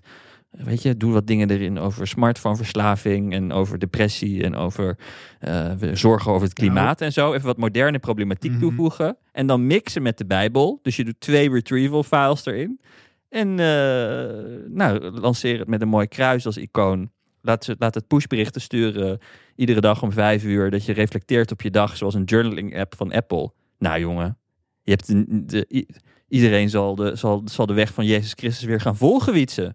Nou, ik zit dus nu een beetje tussen jouw rant door eh, te googelen. of, ja. En kijk, ik ben zelf eh, christelijk opgevoed, dus ik weet er dan denk ik iets meer van. Of dat zit een beetje meer in mijn gebakken, zeg maar. En er zijn verschillende Bijbelvertalingen door de geschiedenis heen, maar ook verschillende organisaties binnen Nederland die verschillende vertalingen uitbrengen. Bijvoorbeeld de Bijbel in gewone taal, hè, waar veel minder oude taal gebruikt wordt en Ja. meer moderne taal. Ik kan me voorstellen dat de organisaties die nu de verschillende talen, vertalingen uitgeven, dat die uiteindelijk ook uitgever zullen gaan worden van GPT's. Hè, dat hoeft Ja. dan niet per se binnen het Open AI-platform te zijn, maar het uitgeven van, noem ze chatbot 2.0's, hè, chatbots in de tijd van GPT. Dus ja, de droom van chatbots toen, maar dan redelijk gerealiseerd, want dit is wel echt heel gaaf wat we nu kunnen. Dus wat jij zegt, ja, het zou mij zeker niet verbazen. En als er mensen luisteren die met dit soort dingen bezig zijn, dat partijen die nu, ja, dat kunnen religieuze teksten zijn, maar dat kunnen ook, eh, ja, eigenlijk, eigenlijk komt het weer neer op wat jij in de vorige aflevering zei, de rol van uitgever. Want er, Mhm. er wordt, er- en ook een soort stukje autoriteit. Want iedereen kan een Bijbelbot maken, maar op het moment dat die Bijbelbot gemaakt wordt door een partij die al 30, 40 jaar lang vertalingen maakt van de Bijbel, ik noem maar wat. Ja, of het. Vaticaan. Ja, jij maakt het meteen heel groot natuurlijk. Van dat, dat is dan eh, ja, een soort van eh, hoger eh, kan je niet. In ieder geval het katholieke geloof, voor zover ik wel een weet. verified badge krijg je daarbij. Ja, ja, die kan je wel kopen hè, tegenwoordig. Maar dat is een beetje een ding. Ja, ik ben, oh ja, kijk, want de Bijbel in gewone taal is dus uitgegeven door het Nederlands, Nederlands-Vlaams Bijbelgenootschap. Nou, ik kan me dus Ja. voorstellen dat het Nederlands-Vlaams Bijbelgenootschap een bot zal gaan maken. Ik zeg het misschien bijna, ik hoop het, omdat er dan toch enige vorm van controle is. Misschien moeten we ook toe naar een soort van. Maar jij vindt het eigenlijk niet zo grappig wat ik zeg, als ik je goed begrijp. Uh, nou, ik, ben, ik vind dat je over spirituele en religieuze zaken moet je gewoon lekker grappen kunnen maken hoor. Zeker. Ik, dus dat heb ik niet. Nee, maar wat, meer dat wat ik, voel ik dan? Nou, wat je voelt is dat ik um, ja, het wel een soort van ook wel respecteer. Dat zit er denk ik in. Dus dan, uh, ik merk meteen, het heeft mij in zeg maar enorme en waarde en denken over de wereld toch ook wel veel gebracht. Dus ik, ik als en dat vind ik het helemaal niet erg dat jij daar grapjes over maakt, et cetera. Maar des te meer reden om een chatbot te maken, toch? Om het weer nee, dus in het leven van mensen te nou, krijgen. Als ik, als ik een religieus uh, paus, nou niet, ik, niet een paus, als ik een paus zou zijn, mooi, deze, maak deze gedachte eens even af. Maar als ik een hoog geplaatst figuur binnen de katholieke kerk zou zijn en ik zou wat van technologie weten, nou dan zou ik dit, dan zou ik dit wel uh, heel serieus gaan nemen, want het is een, uh, het is een manier om, om religie weer relevant te maken. En, en je kan je kan er allerlei dingen in fietsen. Die, uh, weet je, kijk, wat ik zo interessant eraan vind, is anders dan met bijvoorbeeld AI-psychologen of AI, nou weet ik veel, of ander type mensen die je coachen gedurende je leven. Dit is, dit is religie is een soort van uh, onderstroom in, in, in de mensheid met een, met een lange geschiedenis. En die kan je hijacken. Dit is heel cynisch gezegd. Ik geef dit gelijk toe. En ik wil Hoe bedoel je hijacken? Hiermee wil ik niet... Nou, je kan zeg maar dat... Uh, het feit dat dit een onderstroom is bij mensen... kun je gebruiken, om het even heel cynisch te zeggen... om een engaging app te maken. Kijk, als ik nu ga zeggen... Uh, ik maak een GPT die je helpt uh, met, weet ik veel... als, als life coach... dan heeft dat denk ik minder waarde voor mensen als dat je zegt, dit is de God GPT. En als dat dan daadwerkelijk de God GPT met, is, die is gemaakt door... Met welk doel? Ja, dat je engagement. Ja, wat is het doel van de katholieke kerk? Engagement, toch? En dan ondertussen, door die engagement, probeer je dan een waarde, waardesysteem aan mensen uh, Ik denk wat je bij mij voelt is jouw, jouw beeld dat het doel... Ik ben zelf niet katholiek opgevoed, maar protestants. Maar dat het doel van de katholieke kerk is engagement... Dat, ja, dat, dat is niet het enige. Nee, dat is niet het doel. Nee, dat is niet het doel. Het doel is een waardesysteem opleggen, maar het is, het is wel, er zitten allerlei engagement, er zitten growth hacks in, toch? Het is het mee, meehalen van je familie. Het is het binnenhalen van. Het zijn de hele tijd zieltjes aan het winnen. Religie is één grote growth hack.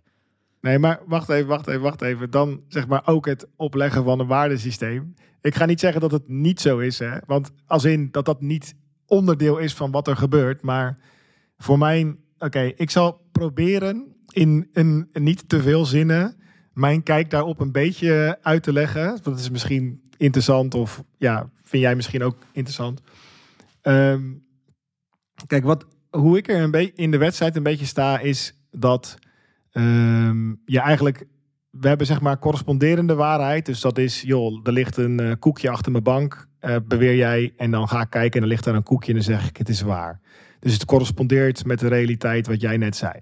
Dat is de waarheid die voor de meeste mensen de enige waarheid is. En de hele wetenschap is daarop gebouwd. Dus als jij zegt, ik heb een model van de wereld en dan moet die planeet op die en die tijd op die en die plek staan. Dan ga jij zeggen, nou, ik heb een model, ik voorspel over twee dagen daar. Dan gaan we kijken. En ja, daar staat, het, daar staat die planeet. Oftewel, je hebt geverifieerd dat jouw model enige waarde biedt uh, op het gebied van voorspellen en voorspellend vermogen. Nou, zo zijn er heel veel zaken in de wetenschap waarbij je constant bezig bent om te bewijzen dat iets zo is. Zodat we een beetje grip kunnen krijgen. Mensen kunnen helpen met in de medische wetenschap. Nou, ik kan uren doorpraten over alle gave dingen die we met wetenschap kunnen. Dan is er ook nog een andere vorm van waarheid. En die heeft meer te maken met of iets werkt. Dat is wat ze dan noemen de pragmatische theorie van waarheid. Wat je daar bijvoorbeeld mee kan, is dat jij uh, een idee hebt over. Je hebt bijvoorbeeld een. Uh, een knopje in je huis hangen. En iedere keer als het de luchtvochtigheid uh, te hoog wordt, dan druk jij op dat knopje en heb jij dan een theorie bij dat hij een afzuiging doet van je hele huis op dat moment. Dat is jou verteld. Hier zit een knopje. Alexander, druk op dat knopje, dan zuigt hij het hele huis leeg en dan is die luchtvochtigheid weer op, uh, op niveau. Maar eigenlijk wat blijkt, dat is helemaal niet waar. Want er is helemaal geen afzuigsysteem. Er gaan gewoon een paar raampjes open ergens. Dat is eigenlijk een heel ander systeem. Maar dat doet er niet toe, want het verhaal wat aan jou verteld is, is niet waar, maar het werkt wel. Ja. Nou, zo kan je een beetje onderscheid maken tussen dingen die waar zijn, omdat ze Waar corresponderen. Ja, en dingen die waar zijn op een manier dat ze werken. Ja. En nou, de, ik, Religie als placebo-effect, bedoel jij? nou, het punt is dat er zit, dat is weer een beetje een spectrum. Want wat je vaak ziet is dat eh, bepaalde theorieën over de realiteit, die blijken niet te kloppen, maar wel deels te kloppen. Dus het is nooit zo'n binair ding van bij een placebo, wat voor mij is een placebo iets wat eigenlijk helemaal niet waar is, maar werkt. Hm. Even heel puur, zeg maar. Mhm. Terwijl het zou ook zo kunnen zijn dat het verhaal dat jij bedacht hebt over iets is zo'n ongelooflijk dun en eh, slap aftreksel van, de van het daadwerkelijke verhaal bewijzen van dat het het is niet, niet eh, het is niet een volledige placebo, want er zit een enige waarheid in op een bepaalde manier dat het in de beetje in de buurt komt van wat er daadwerkelijk gaande is, maar ja, het is nog steeds niet. eh, er zijn betere verhalen te bedenken. Bijvoorbeeld, eh, ik denk dat systemisch gezien binnen een samenleving het idee dat het niet verstandig is om tegen elkaar te liegen, helpt om een kwalitatief informatiesysteem op te zetten. Puur als je het informatietechnisch cybernetic bekijkt, zeg maar. Dus dan zeg je gewoon, als het, als het machines zouden zijn die met elkaar zouden praten en communiceren, dan is het voor het gehele systeem fijn als de informatie die die entiteiten met elkaar uitwisselen waar is. Dat ze niet liegen tegen elkaar. Nou, als jij dan een compleet eh, verhaal gaat bedenken over als je liegt word je gestraft en als je, eh, als je niet de juiste informatie vertelt gaat het mis eh, en mensen gaan daardoor minder liegen, dan heb je wel een hogere kwaliteitsinformatiesysteem Snap tussen ik. mensen. Ja, en Snap ik. nou, op die manier. koren op mijn molen, Wietse? Nou, is toch...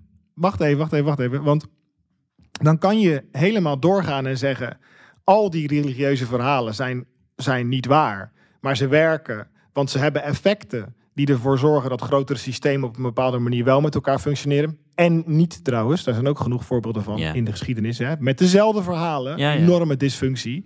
Ehm, ik denk alleen dat het zo zou kunnen zijn dat er een, eh, een waarde in zit die wij gewoon nog niet begrijpen. Dat is, het, dat is hetzelfde als eh, eh, vasten bijvoorbeeld. Hè, tijdelijk niet eten. Blijkt nu inmiddels wetenschappelijk gezien wel goed voor je te zijn. Het is gewoon goed als mens. Ik heb daar verder geen adviezen over. Maar je zou, je, je zou kunnen zeggen, omdat wij in het verleden, eh, want we zitten al een tijdje op deze steen, best wel wat tijden zonder eten hebben gezeten. Dat ons lichaam op een bepaalde manier een soort van geen eetritme bevat. Dus als je dan constant dat lichaam dat eten blijft geven op een hele constante manier, dan is dat, klinkt dat misschien heel erg positief. Maar hè, misschien was die golfbeweging in eten best wel iets gunstig. Want andere onderdelen van jouw lijf, die zitten wa- te wachten op die schommeling en die komt nooit. Of nog Ja. beter gezegd, mijn kantoor zit vaak vol met fruitvliegjes, omdat het hier altijd 19,5 graden is, perfect door een warmtepomp. Dus die hele golfbeweging zorgt ervoor dat er een soort broedkamer ontstaat voor fruitvliegjes. Ik ga je toch vragen, wat is je punt? Nou, mijn, mijn punt is dat ehm, als je religie en andere vormen van spiritualiteit in, een, in het hoekje, en het, het is je goed recht hè, maar in een hoekje zet als, joh, dat zijn een stel placebo-verhalen die ontzettend krachtig zijn en werken, maar eh, dat, dat is alles wat ik er aan toeken, dat je, dat je mogelijk mist dat het wel zo zou kunnen zijn dat het, dat het een minder goede uitleg is voor iets wat daadwerkelijk wel waarde heeft en waar is. Mhm. En, en ik dat, dat, hoor, dat, dat hoef jij niet te zeggen, maar dat hoorde ik niet in, jou, in, jou, in je cynisme, wat helemaal acceptabel is, voelde ik dat niet. Want ik, de, mijn punt aan jou is, ik heb je een linkje gestuurd naar Hanson Robotics, waar ze Philip K. Dick hebben nagemaakt als robot. Eh, met zijn families toestemming ga ik vanuit. Dus ze hebben het hoofd van Philip K. Dick, eh, science fiction schrijver, op een robot gezet en die kan dan praten. Deze robot gaat al jaren de wereld rond als kijk deze coole Philip K. Dick robot. Ehm, waarom ik het als voorbeeld stuur is omdat het iets, eh, het heeft iets respectloos of zo naar Philip K. Dick. En het is ook, het is niet Philip K. Dick. Het is echt een nog een slechte plastic robotversie van hem ook. En op het moment dat je ik denk sowieso dat spiritualiteit en religie moeizaam samengaan met technologie. Moeizaam omdat technologie grotendeels tot nu toe in ieder geval iets machinaal en zielloos is. Ehm, dat op het moment dat je een godbot of een uh, welke priesterbot dan ook zou maken, en dat die zijn al gemaakt, want de hele gallery staat al vol.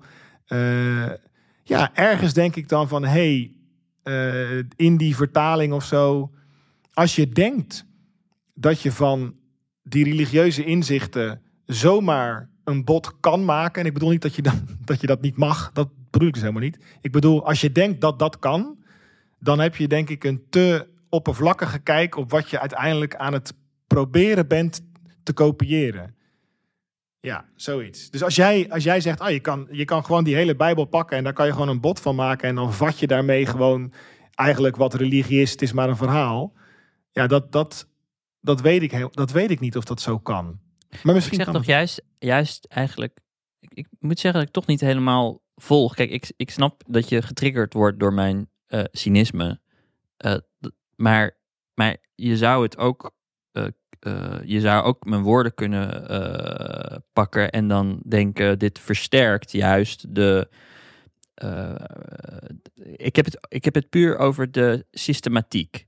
En het, het gebruiken van deze systematiek, die je ook zou kunnen toepassen op een life coach bot. Dat je die probeert, dat je diezelfde systematiek gebruikt, maar dan voor een priesterbot. Die um, het waardesysteem wat hij heeft aangeleerd probeert te kopiëren. En daarmee een grotere rol gaat spelen in het, in het leven van mensen. Omdat ze gewoon vaker met religie interacteren. En als jij vindt dat religie een positief effect heeft op de wereld, dan, dan kan je toch niet anders dan concluderen dat het goed is dat mensen daar zoveel mogelijk mee bezig zijn.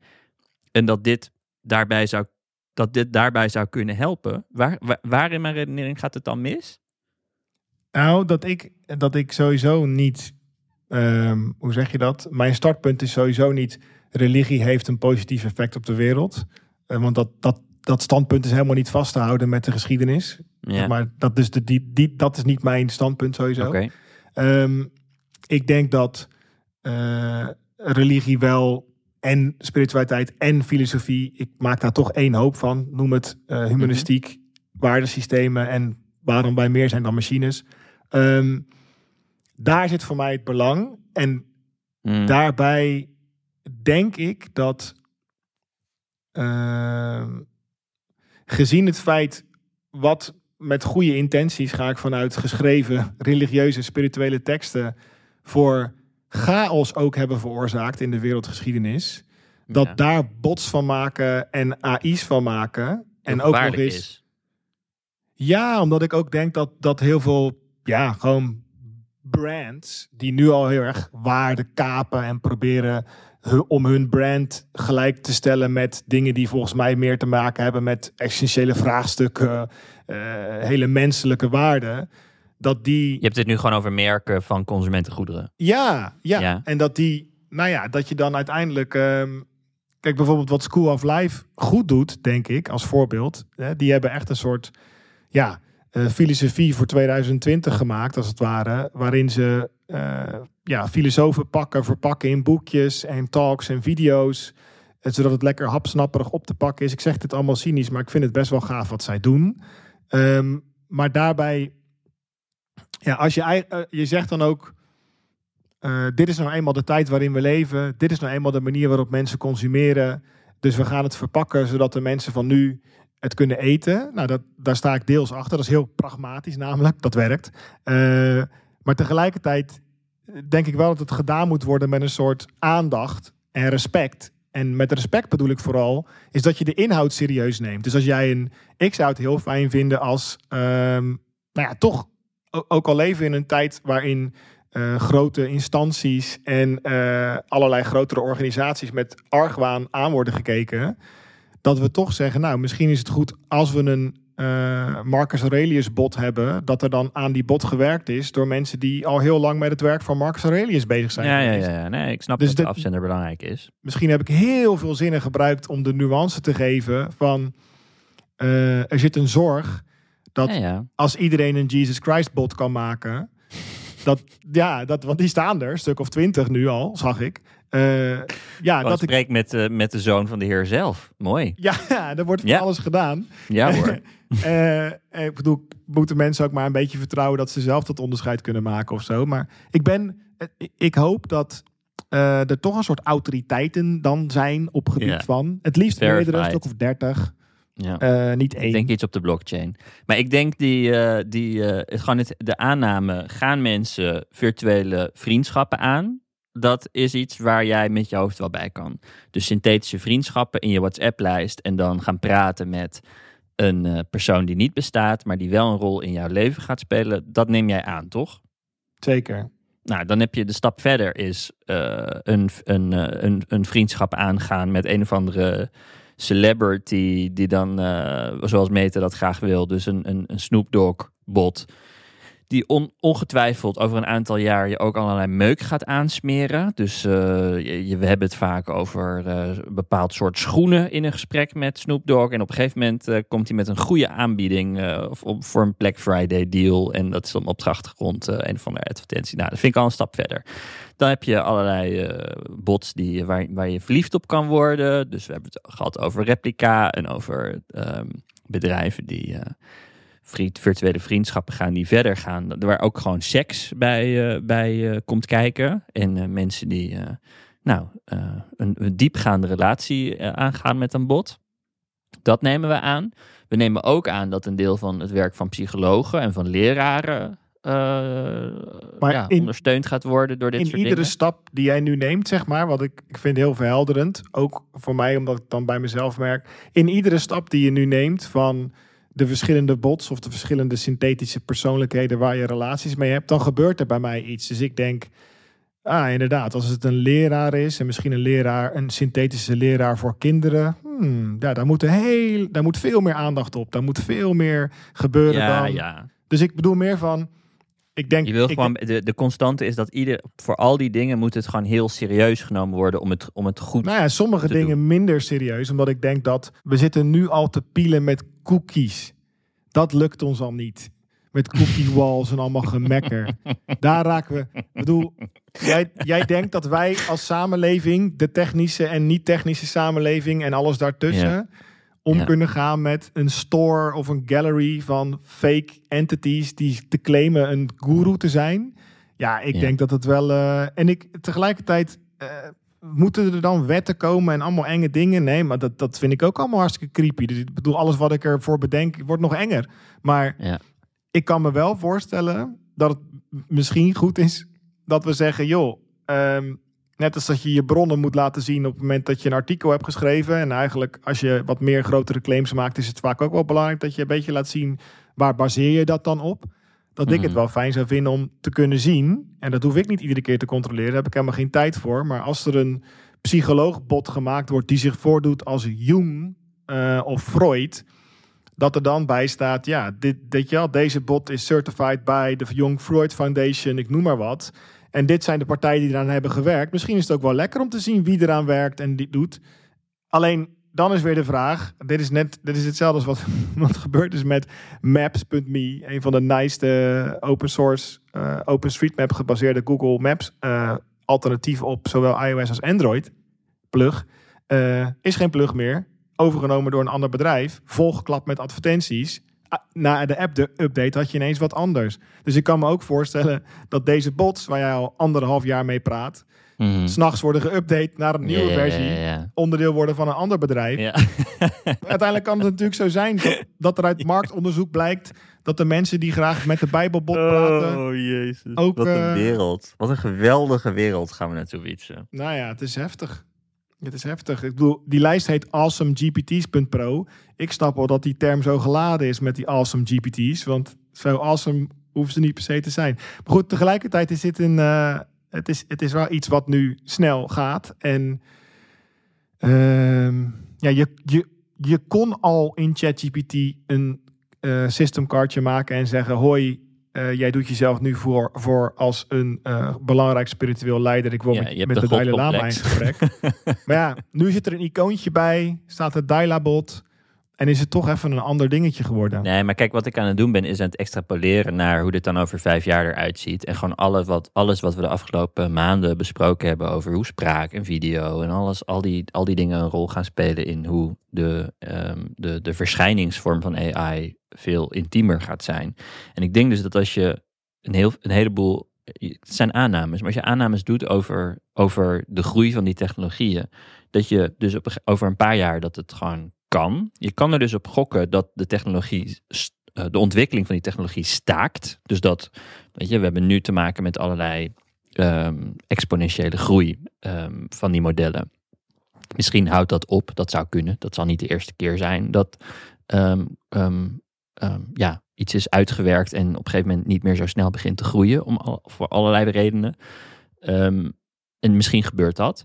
Maar als je aanneemt dat uh, die ontwikkeling door blijft gaan en je, en je trekt de lijntjes door, uh, dan, vraag ik me, dan, dan vraag ik me daadwerkelijk af waarom dit niet zou gebeuren. Ik ben me eerder, ik ben eerder, ik, mijn mindset hierover is dat ik eerder probeer te bedenken waarom dit niet gebeurt, dan dat ik me afvraag waarom dit wel gaat gebeuren. Want dat laatste lijkt me eigenlijk volstrekt logisch, technologisch gezien. En ook wat eraan, soort van, dat we cultureel hier uh, uh, behoefte aan hebben. Aan uh, zingeving, zingevings-AI.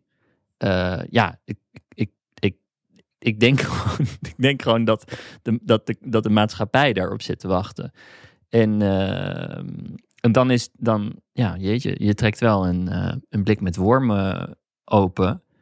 Um, ja, tegelijkertijd denk ik, nu je dit zo zegt, ik zit te denken aan de, de trein-app. Die, er was toen de iPhone een App Store kreeg, stond er een app in de App Store die heette Trein. Ja, voordat de NS een eigen ja. app had. En dat was volgens mij één iemand, een Nederlander. Een ja, die had dat gemaakt. En ik heb die ook een tijd gebruikt, die app, want die was best nice. En volgens mij had hij een eigen wrapper gebouwd om de NS-website heen en een soort API geëxtraheerd.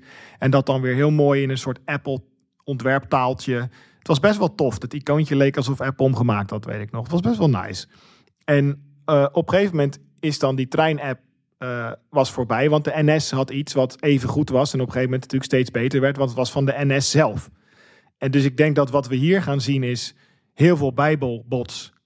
En uiteindelijk een bot vanuit een aantal organisaties. En er zijn er wereldwijd een hoop. Die gaan zeggen, joh, wij brengen al twintig jaar een Bijbel uit in deze vertaling. We hebben er een bot van gemaakt. Want je kunt, bedoel, als we gaan. Maar ik denk dat het van de Candy Crush makers gaat komen. Het gaat van de game developers komen. Van de, van de, van de growth hackers. Van de, van de, van de product mensen. Het ja, maar die... niet komen van die bijbelgenootschappen, joh. Alsof ja. die iets van technologie weten. Ja, maar da- ik denk dus dat daar ons meningsverschil zit. Dat het helemaal geen technolo technologisch probleem is. Het gaat om inhoud. Zeg maar, maar al is die... toch gewoon, dat is toch open source, de Bijbel? Dat is toch onder publiek domein? Ja, maar dan denk je dat alleen de woorden in de Bijbel genoeg zijn. Maar dan, dan ga je voorbij dus aan bijbelinterpretatie, uh, leesgroepen die dat samen met elkaar lezen, 30 manieren om het te interpreteren, tijdsgebonden interpretatie. Ik denk als de Candy Crush Tech Bros iets willen maken wat goed genoeg is, dat je dat samen zal moeten doen met mensen die. Dan zou je, nou, dan in dat geval zou je kunnen zeggen: ik pak de Bijbel plus uh, alle materie die ik kan vinden rondom Bijbelinterpretatie, want daar zijn ook heel veel boeken over geschreven. Dus Jij denkt dat daar de groei van gaat komen? Ja, ik denk dat... dat je hebt gewoon een beetje Bijbel pixie dust nodig, rondom, op, gebouwd op een mindfulness. Uh...